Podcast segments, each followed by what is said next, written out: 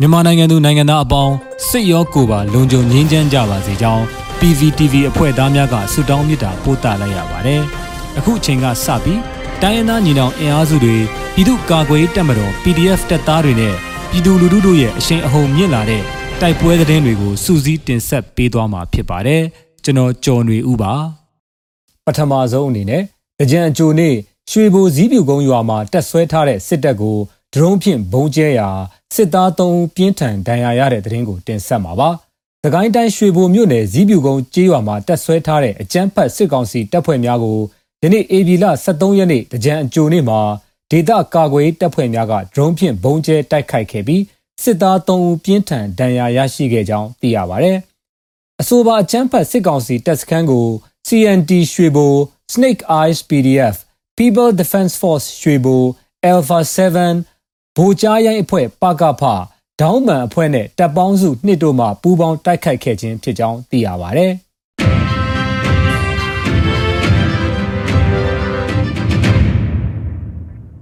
ဆက်လက်ပြီးမြေပုံမြို့နယ်မှာကြံအကျိုနေ့စစ်တပ်နဲ့ AA တို့တိုက်ပွဲဖြစ်ပွားတဲ့တဲ့ရင်ကိုတင်ဆက်ပါမယ်။ရခိုင်ပြည်နယ်မြေပုံမြို့နယ်ဝက်ကောင်းကျေးရွာနီးမှာစစ်တပ်နဲ့ AA တို့နှစ်ဖက်ထိတွေ့တိုက်ပွဲများဖြစ်ပွားနေကြောင်းဒေသခံလွှတ်တော်အမတ်ဟောင်းထံမှသိရပါဗျ။ ဧပြီလ23ရက်နေ့နေ့လယ်ပိုင်းမြေပုံမြို့နယ်9ပိုင်ခန့်ကွာဝေးတဲ့မြေပုံမင်းပြားကားလမ်းပေါ်ရှိဝက်ကောင်းကြီးရွာအနီးတောင်ဘက်အဆက်ဆေးကန်းတစ်ခုအနီးမှာစစ်တပ်နဲ့ AA တို့နှစ်ဖက်တိုက်ပွဲဖြစ်ပွားနေတယ်လို့မြေပုံမြို့နယ်ပြည်သူ့လွှတ်တော်ကိုယ်စားလှယ်ဟောင်းဦးဖေတန်းကဆိုပါတယ်။တိုက်ပွဲဖြစ်ပွားခဲ့တဲ့နေရာများမှာဒေသခံများအပြစ်မထွက်ရဲဘဲနှစ်ဖက်လက်နက်ကင်အဖွဲ့များကအဆိုပါနေရာများတွင်နေရာယူထားကြောင်းဒေသခံများကပြောဆိုပါတယ်။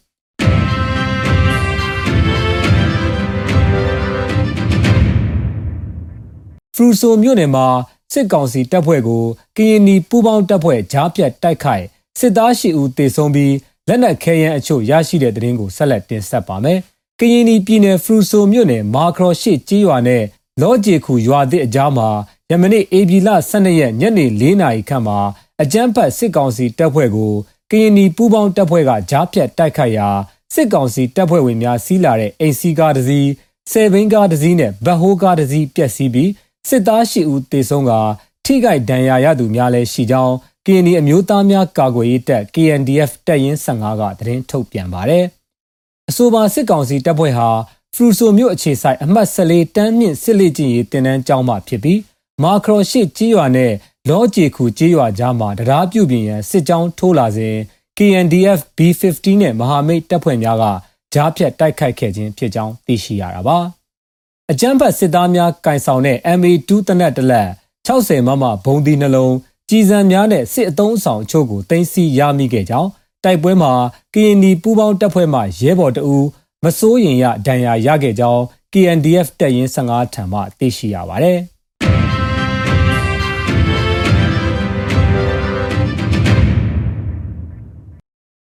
ပခုတ်ကူမှာစစ်ကောင်စီကင်းဘုံကို PDF ဝင်တိုက်လို့ ၃ယောက်ထိသွားတဲ့သတင်းကိုဆက်လက်တင်ဆက်ပါမယ်။မကွေးတိုင်းပခုတ်ကူမြို့မြို့သစ်မြို့ရှောင်အာဆီယံလမ်းမှာကင်းပုံးချထားတဲ့စစ်ကောင်စီတပ်ဖွဲ့ကိုဒေသကာကွယ်မဟာမိတ်တပ်ဖွဲ့များကအေဗီလာ12ရက်နေ့နနက်7:00နာရီခန့်မှာဘုံပစ်တိုက်ခိုက်ရာစစ်သား3ဦးဒဏ်ရာရကြောင်းမွန်းလွဲတနာရီခွဲမှာစက်မှုဆောင်လမ်းပိုင်း၌စစ်ကောင်စီသတင်းပေးအိမ်တလုံးကိုလည်းဘုံပစ်တိုက်ခိုက်ခဲ့ကြောင်းသိရှိရပါတယ်။အေဗီလာ23ရက်နနက်2နာရီခန့်မှာ မြို့သစ်လမ်းပိုင်း၌စစ်ကောင်စီလက်ပါစီပြူစောတိတပ်ဖွဲ့နှင့်ထိတ်တိုက်တွေ့ဆုံပြီးပြစ်ခတ်မှုဖြစ်ပွားရာပြူစောတိ3ဦးသေဆုံးပြီး2ဦးဒဏ်ရာရကြောင်းတိုက်ခိုက်မှုများကို Southern YSO PDF ပခုတ်ကူ North PDF King Cobra PDF အဖွဲ့တို့ကပူးပေါင်းလှုပ်ဆောင်ခဲ့ကြောင်းသတင်းထုတ်ပြန်ထားပါတယ်။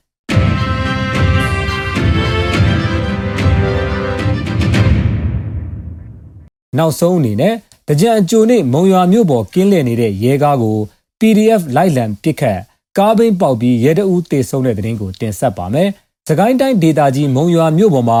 ယနေ့တကြံအကျိုနေ့ကင်းလည်နေတဲ့စစ်ကားကို PDF အဖွဲ့ကလိုက်လံပစ်ခတ်တာကြောင့်ကားဘိန်းပေါက်ပြီးကားပေါ်ရှိရဲတအူးတေဆုံးသွားကြောင်းမုံရွာ The Boys အဖွဲ့ကသတင်းထုတ်ပြန်ပါတယ်။ AB လ23ရက်နေ့နနက်8နာရီဝန်းကျင်မုံရွာမြို့အာဇာနည်လမ်းပေါ်မှာကင်းလည်နေတဲ့ရဲကားကိုမုံရွာ PDF အဖွဲ့ကလိုက်ပစ်ခတ်ကြောင်းကားပေါ်မှာ ရဲနှစ်ဦးပါရှိပြီးတဦးသေဆုံးကြောင်းကြံရဲတဦးကပြန်လည်ပြစ်ခတ်ကြောင်းရဲကားမှာလည်းဘိတ်ပေါက်ပျက်စီးသွားကြောင်းသိရှိရပါတယ်ခင်ဗျာ။